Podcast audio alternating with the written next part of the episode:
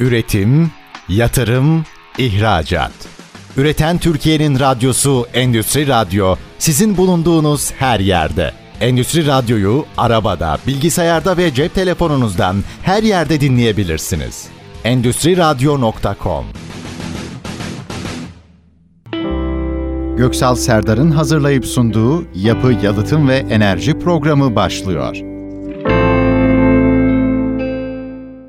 ST Endüstri Radyo Yapı Yalıtım ve Enerji programından herkese merhabalar. Yapı sektörünün gündemindeki konuları konuştuğumuz programımızın bugünkü konu Deprem Güçlendirme Derneği DEGÜDER Yönetim Kurulu Başkanı, İnşaat Yüksek Mühendisi Sayın Sinan Türkan Bey. Sinan Bey öncelikle programımıza hoş geldiniz. Hoş bulduk. İyi program diliyorum. Çok teşekkürler. Nasılsınız? İyisiniz Sinan Bey. Teşekkür ederim. Sağ olun. Sinan Bey açıkçası pandemi dedik, arkasından ekonomik kriz, işte bir Rusya-Ukrayna savaşı vesaire derken bizim en can alıcı sorunlarımızdan birisi olan, konularımızdan birisi olan deprem konusunu maalesef çoğu zaman 3. 4. plana atmak durumunda kaldık. Ama o ara ara kendisini bize aslında hissettiriyor. Yani kendisini ihmal ettiğimizi hissettiriyoruz. Nitekim biliyorsunuz son iki tane bir arç depremler oldu. Dolayısıyla deprem konusu çok çok önemli ve bence e, ülkenin en önemli gündeminden birisinin olması gerekiyor. Çok can alıcı bir konu. Zira biliyorsunuz 1999 Marmara depreminde ciddi anlamda bir can ve mal kaybımız oldu. O tarihten bu yana da belli çalışmalar mutlaka yapılıyor ama acaba ne noktaya geldik? Hem bu anlamda deprem güçlendirme anlamında neler yapıyoruz? Bunları sizinle konuşmak istedik Sinan Bey. Siz de eksik olmayın. Bizi kırmadınız, konuk oldunuz. Aslında biz ve e, dinleyicilerimizin belki çoğu siz, Sinan Bey sizi tanıyor Deprem Güçlendirme Derneği Başkanı olarak ama yine de kısaca bir, de, bir kendinizi bir de Degüder'i kısaca tanıtabilir misiniz Sinan Bey? Öncelikle ST Radyo'ya bize bugün herhalde 10 taneden fazla olmuştur katıldığım programları. Gösterdiği ilgi için, depremi güncel tutmak için gösterdiği gayret için e, çok teşekkür ediyorum. Hem derneğim adına hem kendi adıma. Çünkü e, sizin de söylediğiniz gibi ülkemiz deprem bölgesinde.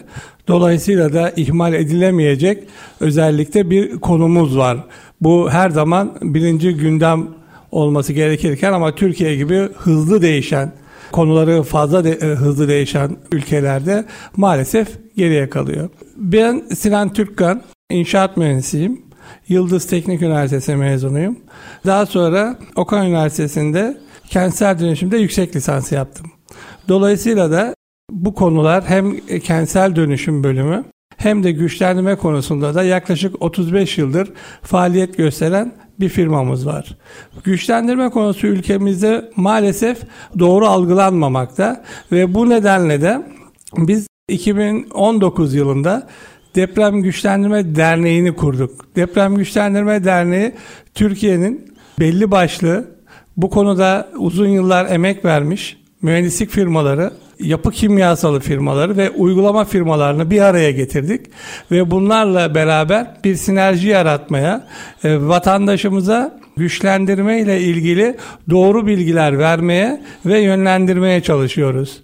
Dolayısıyla da bu programlara katılarak sizlerin sayesinde, basın sayesinde sesimizi duyurmaya ve yetkililere bu konuyla ilgili yaşadığımız aksaklıkların giderilmesi anlamında mesajlar vermeye çalışıyoruz. Biraz önce sizin de bahsettiğiniz gibi 99 yılında çok ciddi bir deprem yaşadık ve binlerce insanımızı kaybettik maalesef. E, o günden bugüne kadar geçen e, 22 yıllık, 23 yıllık sürede ne yapıldı derseniz devletimiz okulları, hastaneleri, köprüleri ve devlet binalarının büyük bir kısmını elden geçirdi. Bunların önemli bir kısmını güçlendirme yaptı, bir kısmını da yıkıp yeniden yaptı. Güçlendirme ile kurtarılamayacak olan binaları da yıkıp yeniden yaptı. Bu konularda devlet ciddi adımlar attı ve önemli bir çalışmayı da gerçekleştirdi.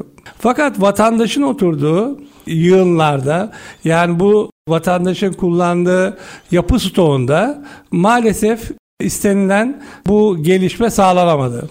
Çünkü bu vatandaşa doğru anlatılamadı ve bu konuyla ilgili önünü açıcı hamleler gerçekleştirilemedi.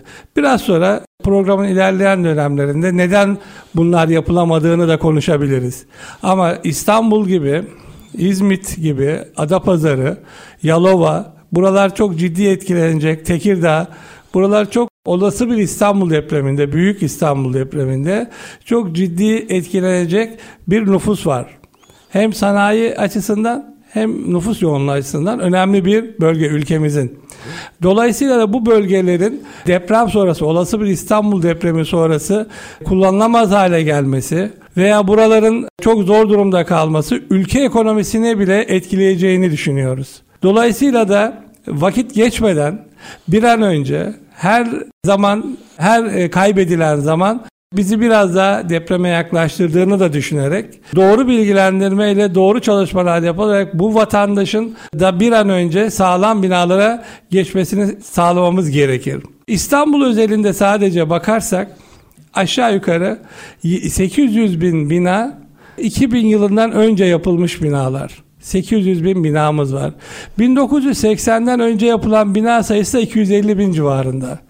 Bunlar çok yüksek rakamlar. Şimdi toptancı yaklaşıp 2000'den önce yapılan binaların hepsi depremde çökecek öyle bir bizim yaklaşımımız yok. Her bina kendi içerisinde gereken testler yapılarak bunlar e, tespit edilebilir.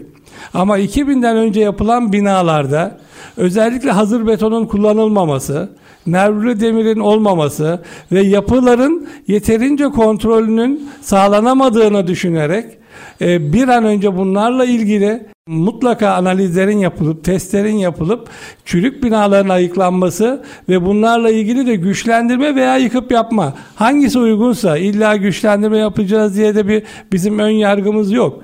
Ama hangisi daha uygunsa kentsel dönüşüm, bölgesel dönüşüm de yapılarak Bunlar vatandaşın huzurla, sağlıkla oturacakları, depremden sonra bir kaygı yaşamayacakları yapılara ulaşmasını sağlamamız lazım. Sinan Bey çok teşekkür ediyorum. Sizin bir öneriniz vardı Sinan Bey. Ben özellikle bunu not aldım.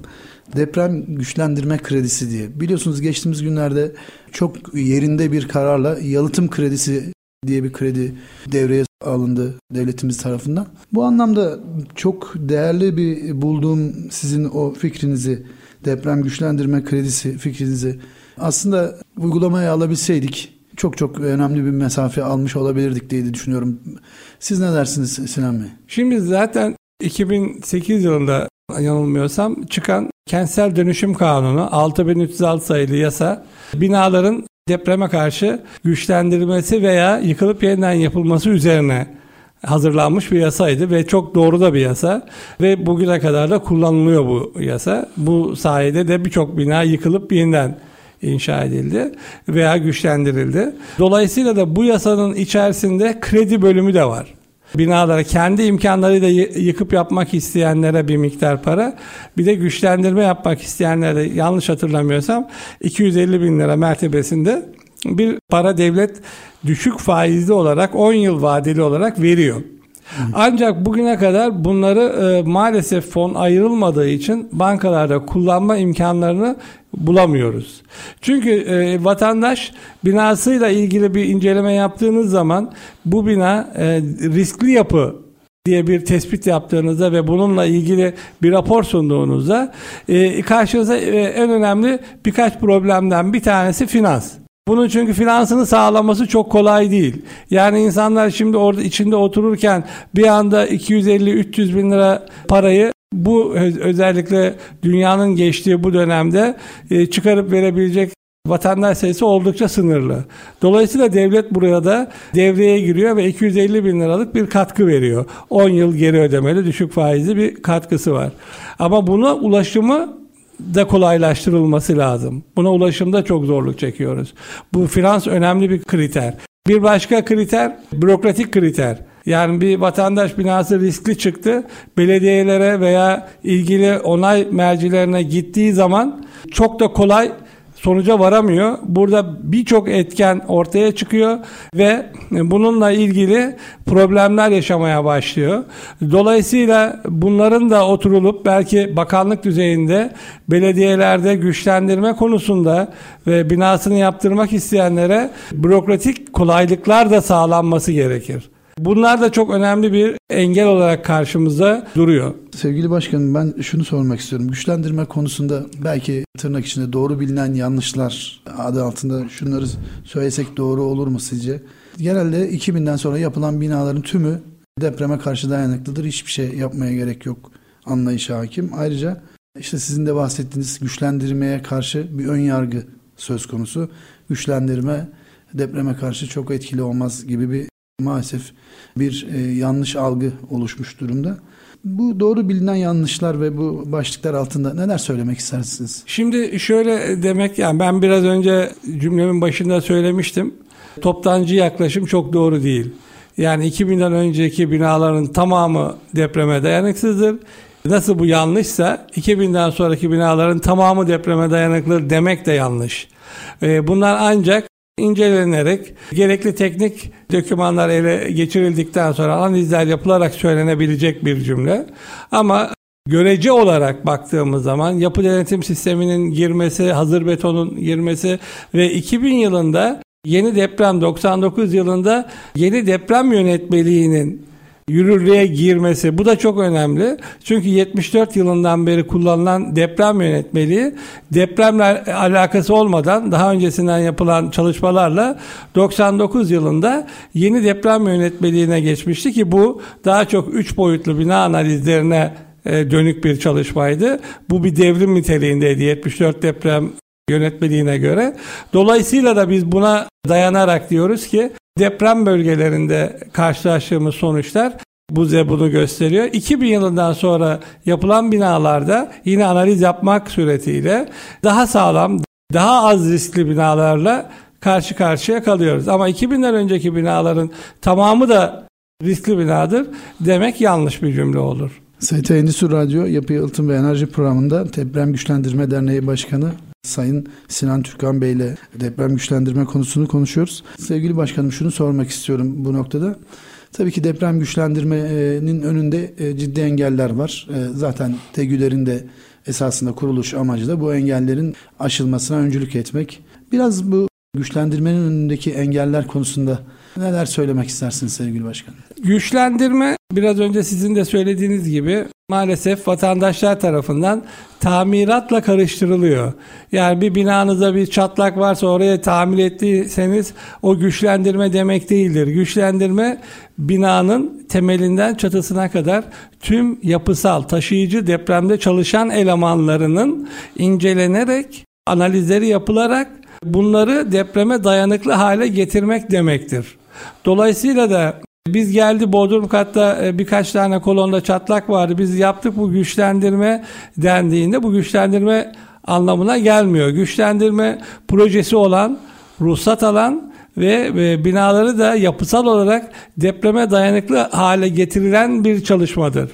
Dolayısıyla da biraz önce bahsettiğimiz deprem yönetmeliği, Türkiye'deki deprem yönetmeliği de ciddi bir deprem yönetmeliği. Dünyada sayılan deprem yönetmeliklerinden bir tanesidir.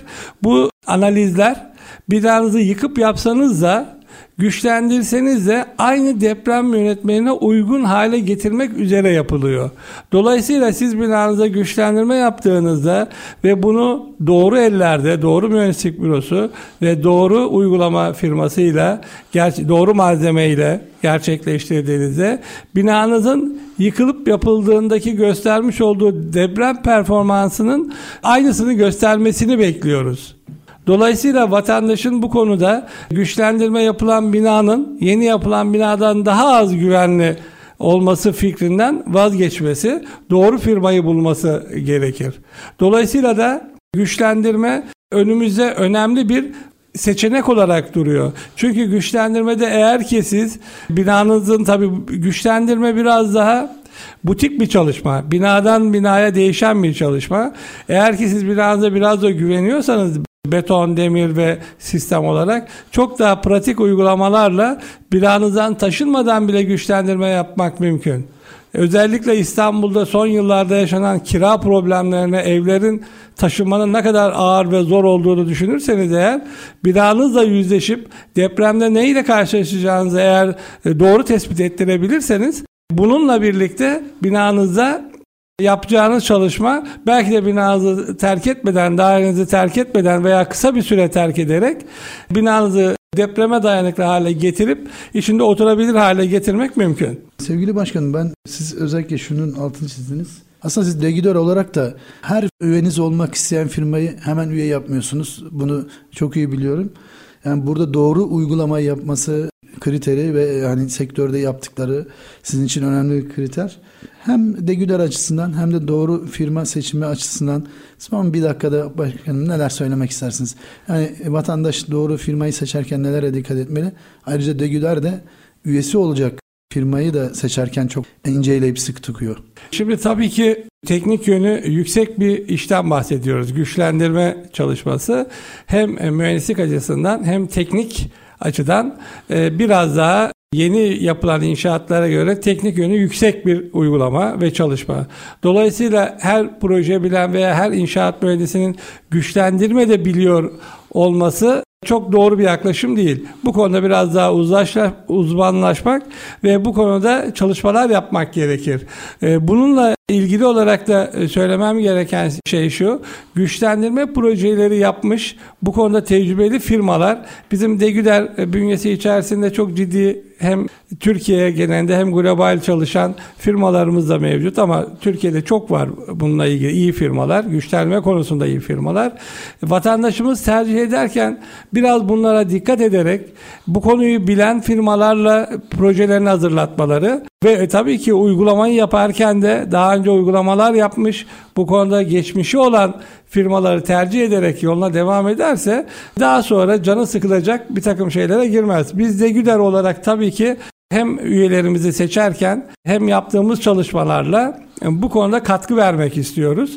Bizim 15 e, günde bir çıkan webinarlerimizde Türkiye'de bu konuda söz sahibi olmuş, çok ciddi çalışmaları olmuş hocalarımız veya tecrübe sahibi mühendis arkadaşlarımızı e, davet ediyoruz ve genç mühendis arkadaşlarımıza veya bu konuya eğilmek isteyen mühendis arkadaşlarımıza katkı olması bakımından bir saatlik, yarım saatlik webinarlar düzenliyoruz. Bunlar da YouTube kanalında rahatlıkla mühendis arkadaşların veya ilgi duyan arkadaşların ulaşması mümkün. Çok teşekkür ederiz Sinan Bey. ST Endüstri Radyo Yapı Yalıtım ve Enerji Programı'nda Deprem Güçlendirme Derneği e, Yönetim Kurulu Başkanı, İnşaat Yüksek Mühendisi Sayın Sinan Türkan Bey konuğumuz. İlk bölümümüzün sonuna geldik. Kısa bir reklam arasından sonra ikinci bölümümüzde sohbetimize kaldığımız yerden devam edeceğiz. Üretim, yatırım, ihracat. Üreten Türkiye'nin radyosu Endüstri Radyo sizin bulunduğunuz her yerde. Endüstri Radyo'yu arabada, bilgisayarda ve cep telefonunuzdan her yerde dinleyebilirsiniz. Endüstri Radyo.com ST Endüstri Radyo Yapı Yalıtım ve Enerji Programı'nda Deprem Güçlendirme Derneği DEGÜDER Yönetim Kurulu Başkanı İnşaat Yüksek Mühendisi Sayın Sinan Türkan e, Bey ile deprem güçlendirme konusunu konuşuyoruz. E, Sinan Bey ilk bölümümüzde e, siz konuşurken aklıma şöyle bir soru geldi ve bu yani çok merak ettiğim bir soru. Biliyorsunuz az önce şey yaptık. Yalıtım konusunda ciddi bir bilinçlenme var ve bir arkasında kamu iradesi de var. Acaba güçlendirme konusunda biz bu kamu iradesini tam olarak arkamıza o rüzgarı alabildik mi? Orada bir e, handikapımız söz konusu mu?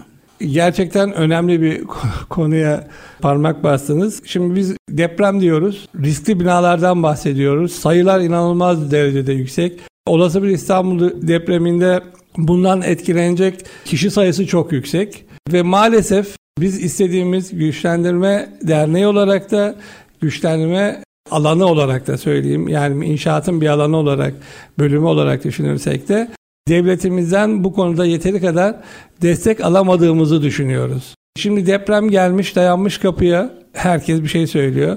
Yani ben zaten şeye karşıyım. En çok bize sorulan soru deprem ne zaman olacak? Kaç şiddetinde olacak? Yani depremin e, ne zaman olacağına ne önemi var? Yani öncelikle sizin oturduğunuz veya kullandığınız yapıyı depreme dayanıklı hale getirin. Yani iki yıl sonra olsa ne olacak? Ya da on yıl sonra desek ne olacak?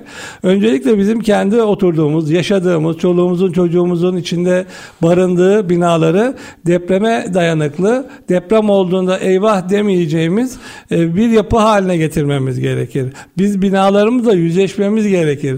Dolayısıyla bunları yaptıktan sonra depremin bugün olacak, yarın olacak, 7 olacak, 7,5 olacak. Gerçekten e, bunun önemi de kalmaz ve bununla ilgili de kafa yormaya gerek kalmaz. Türkiye'de çok değerli e, yer bilimciler ve deprem mühendisleri hocalarımız var. Hepsinin ortak fikri. Bunun artık şey de yok yani karşı fikir de yok. İstanbul'da büyük bir deprem bekleniyor. Şiddeti de 7 civarında olacak. 6-9 olacak. İşte 7.3 olacak. Ne olacaksa olacak yani. Bu şiddette olacak. Hatta yeri de belli. Dolayısıyla bunun bu sene mi olacak, 20 sene sonra mı olacağının artık burada devlet açısından, devletin bekası ve sürekliliği açısından çok bir öneminin olmaması gerekir. Dolayısıyla da bizim öncelikle yaşadığımız yerleri, kullandığımız iş yerlerimizi, sanayi tesislerimizi depreme dayanıklı hale getirip bunu ya yıkıp yaparak veya güçlendirerek ve bunlar da içinde de huzur içinde uyumak gerekir. Bakın en son Düzce depremi oldu biliyorsunuz çok yakın zamanda. Düzce'de daha önce de büyük bir deprem oldu. Binaların büyük bir kısmı yenilendi. E, şu anda e, işte duyuyoruz ufak tefek kazadan dolayı vefat edenler dışında bir çöken bina yok ve çok şükür hepimiz mutlu olduk. Deprem demek ki böyle de atlatılabiliyor. Dolayısıyla eğer ki siz binaları doğru yaparsanız mühendislik etiğinden uzaklaşmadan, mühendislik e, bilgilerinden uzaklaşmadan bu bilgilerin hepsi bizde mevcut. Yani mühendislerde bu bilgiler var. Ama biz burada biraz önce sizin söylediğiniz gibi devlet iradesi ve bilincimizi arttırarak eğer ki depreme dayanıklı bina yapımı konusunda gereken ciddiyeti ve özeni gösterirsek bakın işte olan Düzce depremi son depremde çok şükür hiç kimse üzülmeden bir deprem atlatıldı. İstanbul'da olabilir. Ama bununla ilgili irade gösterilmesi gerekir. Topyekün. Yani burada artık binanın Belediyelere biraz önce söylediniz ama tabii konular üst üste geliyor. Belki atlamış da olabilirim. Ee, bir binanızı siz güçlendirme yapmak istediğinizde belediyeye gittiğinizde veya belediye veya kamu kurumuna gittiğinizde işte binada yıllar içerisinde yapılmış eklentilerden dolayı bir sürü sorunlardan dolayı güçlendirilemez diye bir sonuç çıkıyor. Veya güçlendirme konusu 2 yıl 3 yıl onay bekliyor. Ya bunlara bizim gerçekten zamanımız yok artık. Bizim bir an önce bunları aşmamız gerekir ve bir an önce bunlarla ilgili çözüm üretmemiz gerekir. E, yani bunu eğer ki kanun düzeyinde düzeltilecekse onları da bizim düzeltmemiz lazım. Bir an önce düzeltip vatandaşın önünü açmamız lazım. Parası olup ben bunu yaptıracağım diyen de yaptıramıyor. Bir kısmı da biraz önce söyledik finansal sebeplerle yaptıramıyor. Ama bunlarla ilgili devletin de buraya bir destek vermesi, güç katması gerekir. Dolayısıyla da bu sorun aşılamayacak bir sorun değil. Türkiye'de bununla ilgili e, hem mühendislik altyapımız mevcut hem yapan inşaat firmalarımız sayısı gerçekten olağanüstü iyi firmalarımız da mevcut. Dolayısıyla vatandaşın veya bölgemizin, İstanbul'umuzun bu önemli problemini çok da üzülmeden, sıkılmadan atlatmak mümkün ama bu iradeyi sizin de söylediğiniz bu iradeyi net olarak ortaya koyup bunun üzerine gitmemiz gerekiyor. Sevgili başkanım şöyle bir resim çizmenizi e, rica etsem. Sizin dediğiniz gibi binalarımızda kesinlikle çok doğru bir tabir yüzleşmemiz gerekiyor. E, deprem güçlendirme anlamında bizim gibi ülkeler açısından baktığınızda Türkiye ne durumda? Deprem güçlendirme noktasına baktığınızda ya da Avrupa'da ya da gelişmiş ülkeler bizimle aynı deprem şartlarında olan ülkeler ne durumda? Böyle bir profil çizdiğinizde nasıl bir e, tablo ortaya çıkıyor sevgili başkanım? Şimdi biz mühendislik açısından baktığımız zaman işte biz uzun yıllardır üniversitelerle birlikte pek çok projeler gerçekleştiriyoruz. Deneylerin içerisinde olan bir kişi olarak söylüyorum. Türkiye'deki güçlendirme anlamında e, dünyadaki teknolojilerin hemen hemen tamamı ülkemizde de uygulanabilir nitelikte ve uygulanabiliyor. Dolayısıyla Japonya'da bir bina güçlendirilecekse ki orada da güçlendirme var bu arada. Amerika'da da güçlendirme yapılıyor ve çok ciddi şekilde uygulanıyor.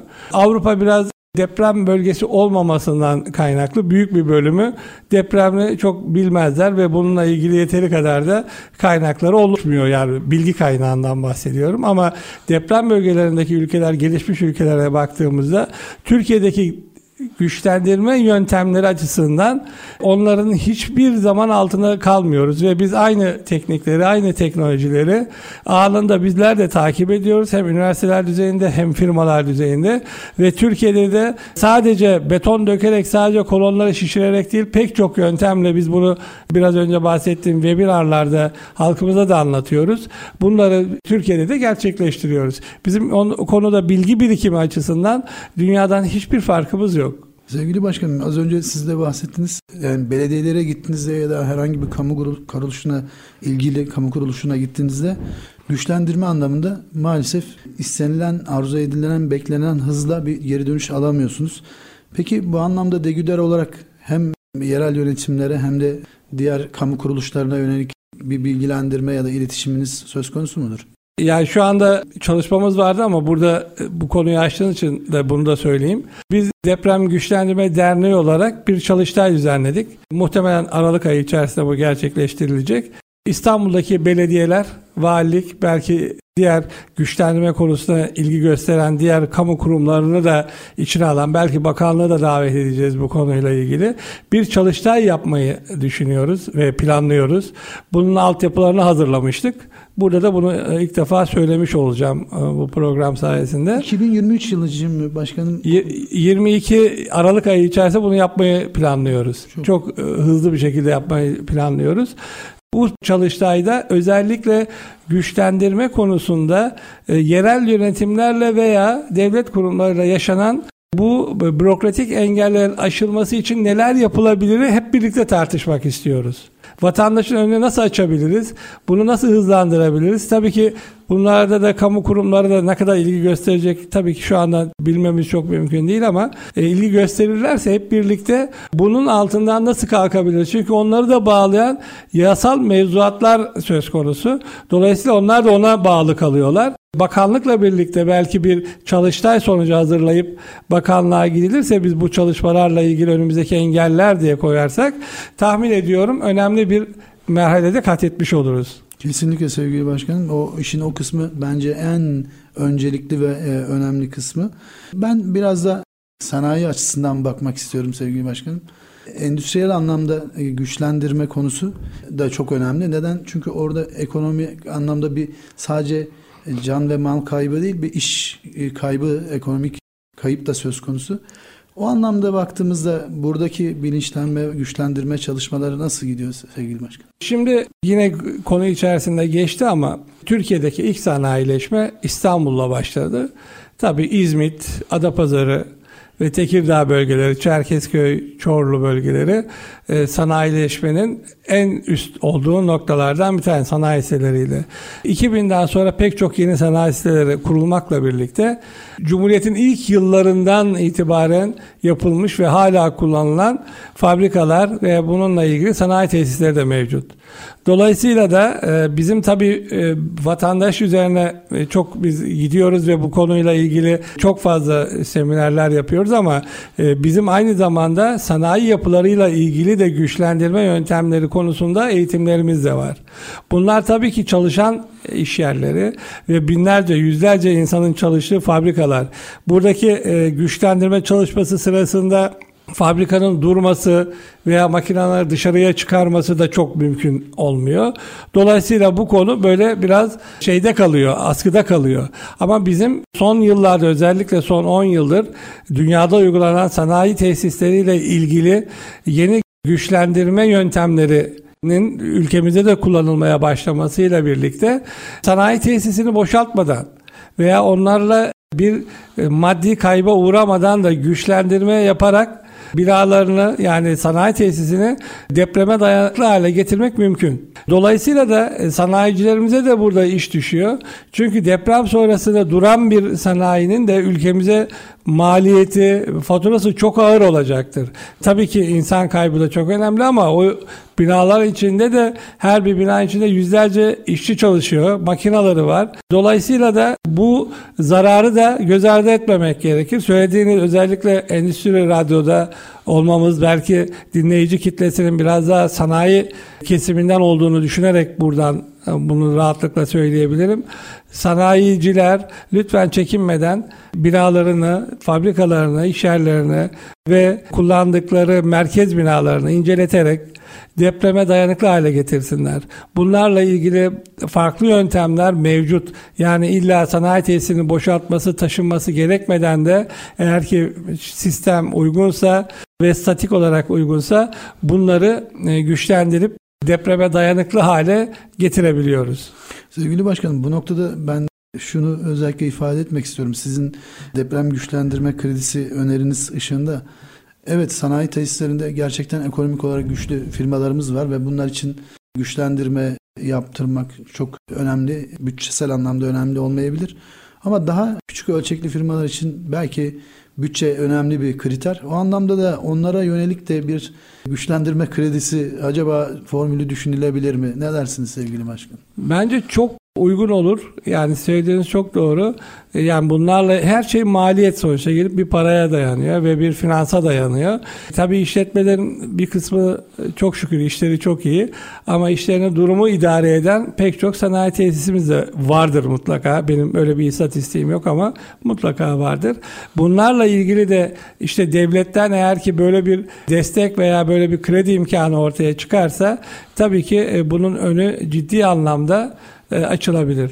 E, ST Endüstri Radyo Yapı Yalıtım ve Enerji Programı'nda Deprem Güçlendirme Derneği Başkanı İnşaat Yüksek Mühendisi Sinan Türkan Bey ile deprem güçlendirme konusunu konuşuyoruz. İkinci bölümümüzün de sonuna geldik. Kısa bir reklam arasından sonra üçüncü ve son bölümümüzde sohbetimize kaldığımız yerden devam edeceğiz. Üretim, yatırım, ihracat.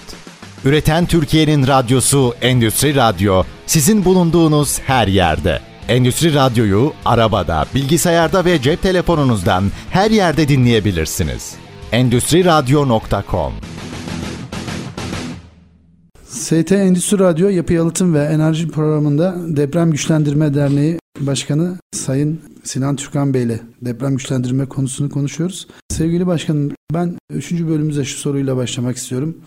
Bir vatandaş eğer eski bir binada oturuyor ve binanın deprem dayanımı konusunda şüpheleri varsa neler yapmalı? Nasıl bir e, yol izlemeli sizce? Binasıyla biraz önce program başından beri yüzleşme dedik. Binasının bir an önce ne olduğunu bilsin dedik. Vatandaş eğer böyle bir korku yaşıyorsa binasının mevcut projesini belediyelerden alabilir belediyeden çıkartıp bunun için herhangi bir belediyelerin büyük bir kısmında herhangi bir ücret ödemeden mevcut binanın projesini gidip oradan temin edebilirler. Arşivden veya kentsel dönüşüm bölümünden. Bununla birlikte biraz önce saydığımız niteliklerde bir mühendislik firmasına müracaat ederek binasından testler yaptırması gerekir. Bu testler hemen bahsedeyim çünkü bu gözle bakılan bir şey değil. Binalardan karot makinesiyle beton numuneleri almak, e, donatıların tespitini yapmak yani projesine şimdi binayı bir kere projeye uygun olup olmadığını çünkü Eski dönemde, daha önceki dönemlerde bir proje var, onaylı bir proje var. Yerinde başka bir bina da çıkabiliyor. Yani bambaşka bir şey yapılmış, büyütülmüş, değiştirilmiş. O yüzden söylüyorum. Bina ile projenin uyumluluğuna bakılıyor ve kullanılan donatı miktarı yani demir miktarına e, tespit ediliyor. Projeye uygun olup olmadığına bakılıyor. Zemin etüdü yapılıyor. Zeminle ilgili çünkü parametre de çok önemli depremsellik açısından. Zemin etüdü yapılarak binanın zeminin taşıma kapasiteleri, depremselliği ortaya çıkarılıyor ve bütün bunlar bir araya getirilip yeniden bu binanın yeni deprem yönetmeliğine uygun olarak analizleri yapılıyor statik analizler yapılıyor ve bu binanın depremde nasıl bir performans göstereceği çok net karşımıza çıkıyor. Artık burada şüphe duyulacak bir şey yok. Binanızdan projesi belki 30 megapascal olarak yapılmış ama yerinde 10 çıkıyor. Veya 15 çıkıyor, 20 çıkıyor neyse yani. Bunu artık her şey göz önüne alınmış. Donatım miktarları belli. Binanın sistemi belli, zemini belli. Bunun analizini yaparak depremde göreceği hasarı veya depremde nasıl bir performans göstereceğini e, bulmak e, artık mühendisin işi. Bununla ilgili bunu bulduktan sonra bir rapor hazırlıyoruz. Bu raporla birlikte gelen vatandaşa bunu sunuyoruz. Diyoruz ki binanız depremde dayanıklıdır. Problem yaşamayacağını düşünüyoruz ya da şuralarda çatlak olabilir ama bunun e, yapısal olmayacağı. Her bina bu arada yeni yapılan eski yapılan fark etmez. Depremde yani olası büyük depremden bahsediyoruz. Yapısal olmayan elemanlarda hasarlar meydana gelebilir. Yapısal olmayan elemanlar alçıpan duvarlar, asma tavanlar, duvarlar, tuğla duvar da olabilir. Buralar taşıyıcı olmadıkları için buralardaki hasarlar binanın kötü olduğunu veya depremde dayanıksız olduğunu gösteren işaretler değildir. Biz kolon, kirişlerde veya temelde veya zemindeki hasarlar binanın riskli olup olmadığını ortaya çıkartır. Dolayısıyla biz bu çalışmayı yaptıktan sonra artık e, binanızla ilgili sizin elinizde kesin bir raporunuz olur. Bundan sonra önünüze iki tane seçenek var. Binanızı yıkıp yapacaksınız veya güçlendireceksiniz. Bunun kararını vatandaş kendisi veriyor. Yani yıkıp yapacaksa veya bir müteahhit marifetiyle yapılacaksa veya kat karşılığı verilecekse bunda da apartmanın toplam kullanıcı daha doğrusu e, kat maliklerinin e, üçte iki oy çoğunluğuyla müteahhit seçimini yapabilir. Eğer güçlendirme kararı verilecekse 5'te 4 isteniyor. Yani %80'inin güçlendirmeye karar vermesi isteniyor.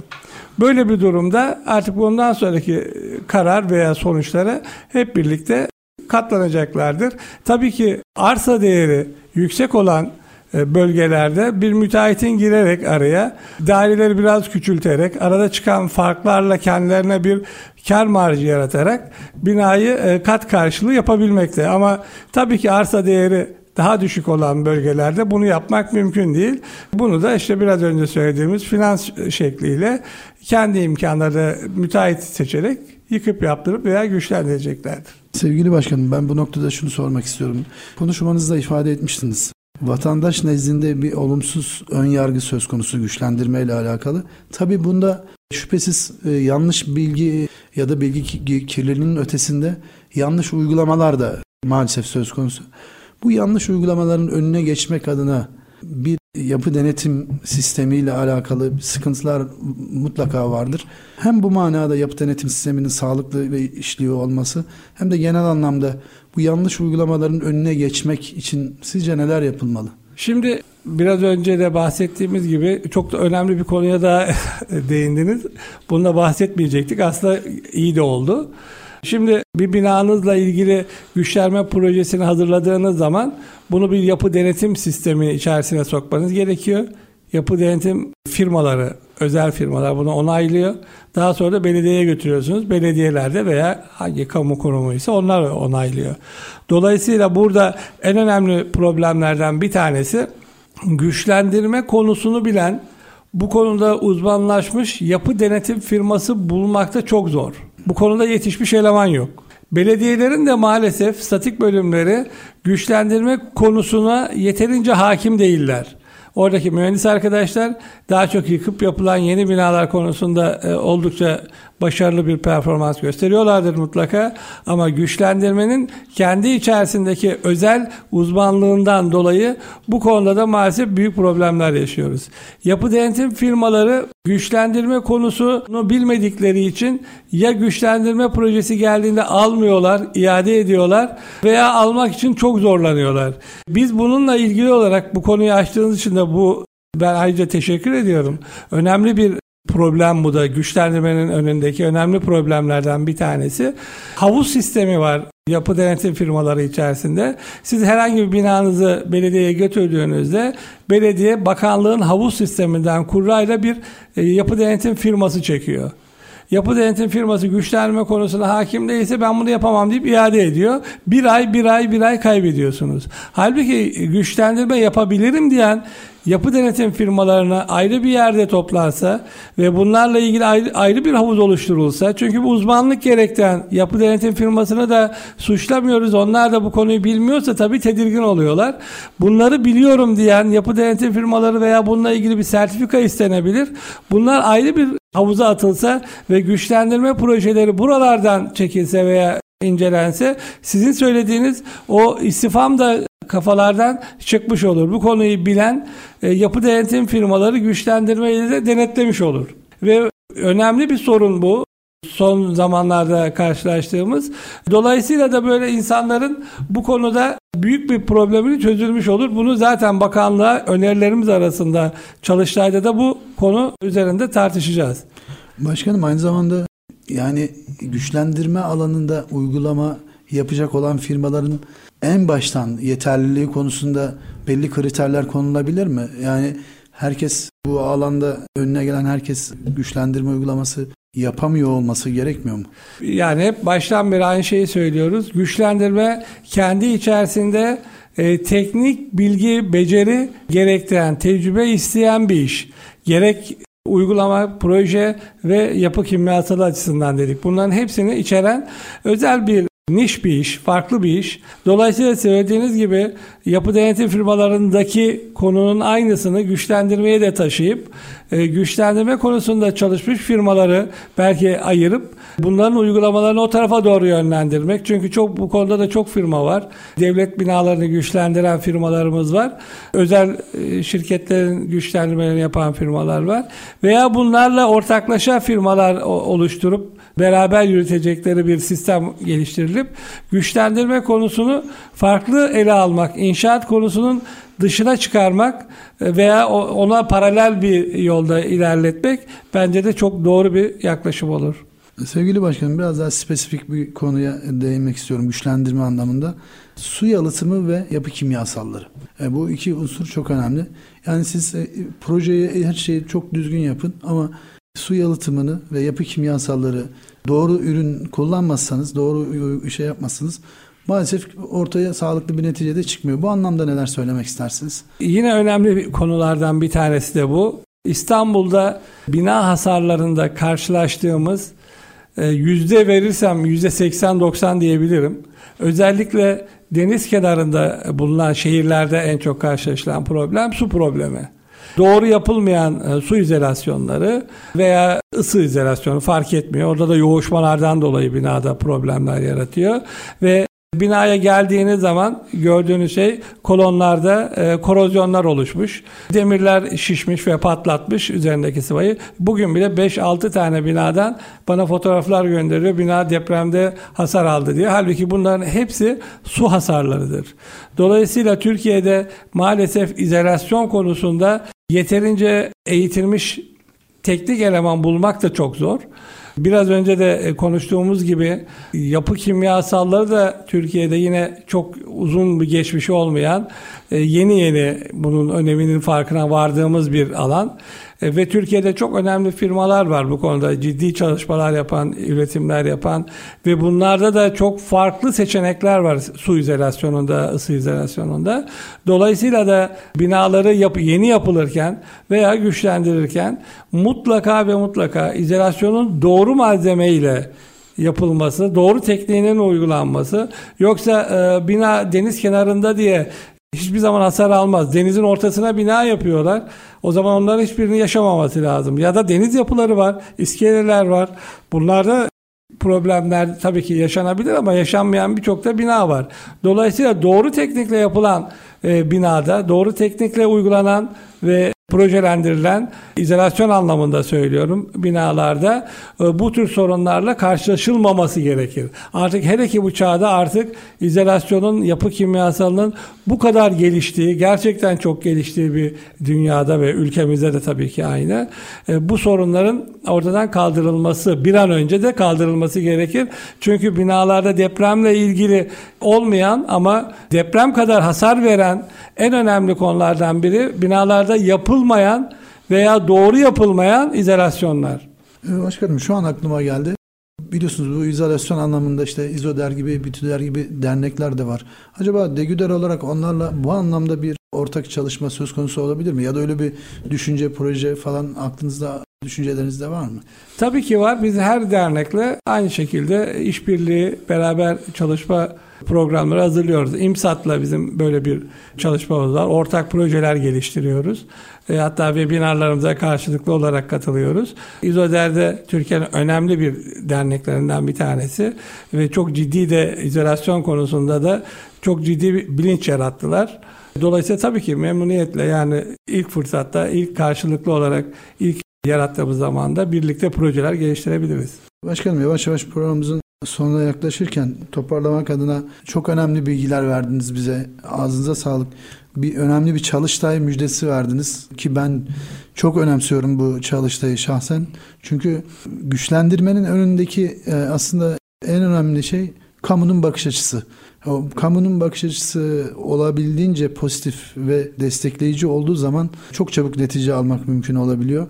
Bu anlamda bu çalıştayınızın çok çok önemli olduğunu düşünüyorum. Umarım çok geniş tabanlı bir çalıştay olur ve kamu nezdinde de katılımın çok yoğun olduğu bir çalıştay olur. Ya acaba devletin ya da kamunun hangi noktalarıyla temas halindesiniz bu ıı, çalıştay için? Yani e, belediyeler tabii burada önemli bir faktör. Yerel yönetimler, belediyeler derken tam olmuyor ama belki yerel yönetimler demek daha doğru. Yerel yönetimler ve bakanlık. Tabii ki burada güçlendirme yapan birçok da ayrıca firmalar var. Bunlar valilik düzeyinde yapılanlar var. İPKB mesela çok ciddi bir güçlendirme konusunda tecrübe ve birikim sahibi. Bunlar devlet binalarının güçlendirilmesi konusunda özellikle İstanbul'da çok önemli işler yaptılar. Dolayısıyla bunlar da eğer ki ilgi gösterirlerse, tecrübelerini diğer kamu kurumlarıyla da paylaşırlarsa çok ciddi yol alacağımızı düşünüyorum. Başkanım biraz da 2023 yılıyla ilgili, gerçi 2022 çok önemli bir etkinlikle kapatacaksınız ama 2023 yılıyla ilgili Degüder'in planlaması, hedefleri, e, neler yapmayı düşünüyor? Biraz da o konuda bize bilgi verebilir misiniz? Tabii ki. Yani biz Degüder olarak tabii 2019 yılında kurulduk. 3 yıl pandemiyle savaştık. Yani dolayısıyla istediğimiz atılımı yapma şansını çok elde edemedik ama bu webinarlar sayesinde e, kendimizi anlatmaya veya doğru yönlendirmeye bu konuyla eğitimler vermeye çalıştık.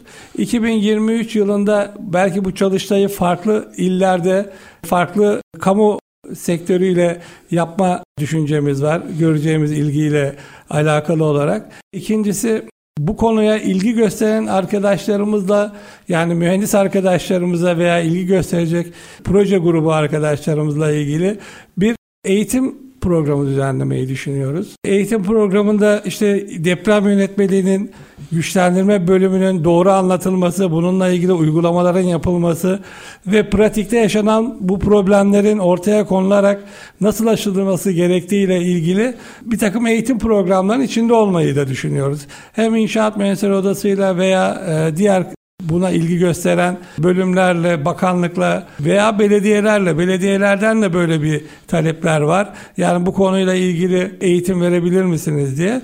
Bunların altyapısını oluşturabilirsek bu konuda biraz önce söylediğimiz gibi özel bölüm olan güçlendirme bölümünü burada daha fazla teknik elemanla desteklememiz gerekiyor. Çünkü e, olası bir depremde Yıkılanlar, çökenler bir tarafa bırakırsak elimizde yığınla kalan az hasarlı veya orta hasarlı binalar olacak.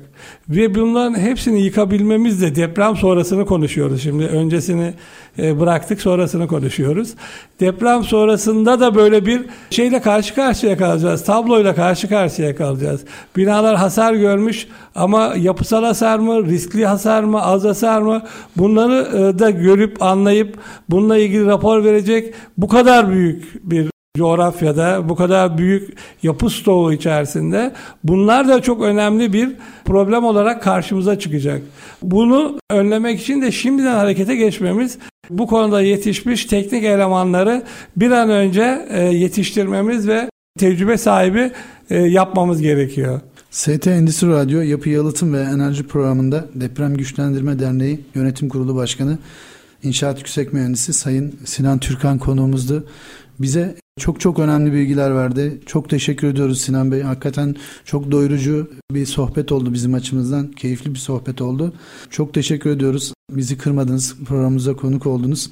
Biz her seferinde sizi böyle sık sık konuk almak istiyoruz. Çünkü bizim için çok çok önemli bir konu bu deprem güçlendirme konusu. Ağzınıza sağlık. Son olarak cümlelerinize birkaç cümle söz sözlerinizi alıp programımızı kapatacağız Sinan Bey. Buyurun. Ben de teşekkür ediyorum. Yayının başında da söylemiştim. Endüstri Radyo ve ST Radyo olarak ben kaçıncı programa katıldım artık sayamıyorum. Çok fazla programa katıldım. Bizim üyelerimiz de katıldı. Üyelerimiz de bu programa ilgi gösteriyor. Ve sizin depreme ve riskli binalara deprem sonrası için e, neler yapılması veya depremden önce neler yapılması gerektiği konusuna göstermiş olduğunuz ilgiye bütün kurumunuza sizin nezdinizde tüm kurumunuza teşekkür ediyorum. Bunu güncel e, tutup programlar yaparak canlı tutmanızdan dolayı tebrik ediyorum. İnşallah bu e, programlar sayesinde vatandaşlara ulaşabiliriz ve biz de bir katkı vermiş olabiliriz. Ben teşekkür ediyorum. Sağ olun, var olun.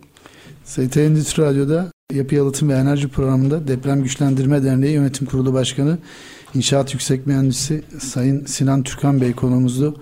Bize e, deprem güçlendirme konusunda çok çok önemli bilgiler verdi. Çok teşekkür ediyoruz tekrar kendilerine. Haftaya farklı bir konu ve konukla tekrar karşınızda olacağız. Hoşçakalın.